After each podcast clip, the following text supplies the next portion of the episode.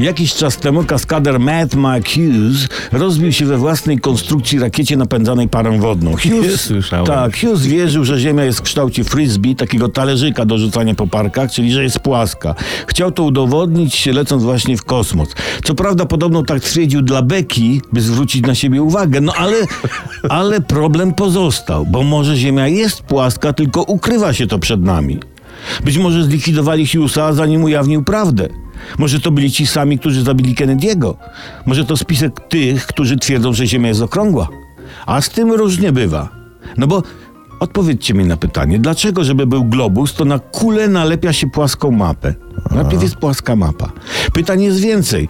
Problem kształtu Ziemi fascynował ludzi od dawna. Taki Magellan opłynął Ziemię i twierdził, że jest kulista. Uwierzyli mu i to zdewastowało rynek płaskich, kwadratowych globusów.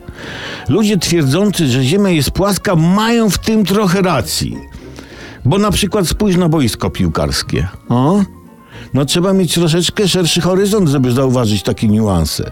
Tak to jest, słuchajcie. Nie możesz mieć własnego zdania, nie możesz mieć racji, bo ci, co się mylą, są w większości i cię wykończą. Nawet trochę, nawet trochę mi żal tego kaskadera. On przynajmniej nie wierzył na ślepo, tylko, tylko chciał sprawdzić. Mogli z niego być ludzie, bohater, męczennik słusznej sprawy. Niech mu ziemia płaską będzie. Żal człowieka, no. Osoby nie, człowieka tak.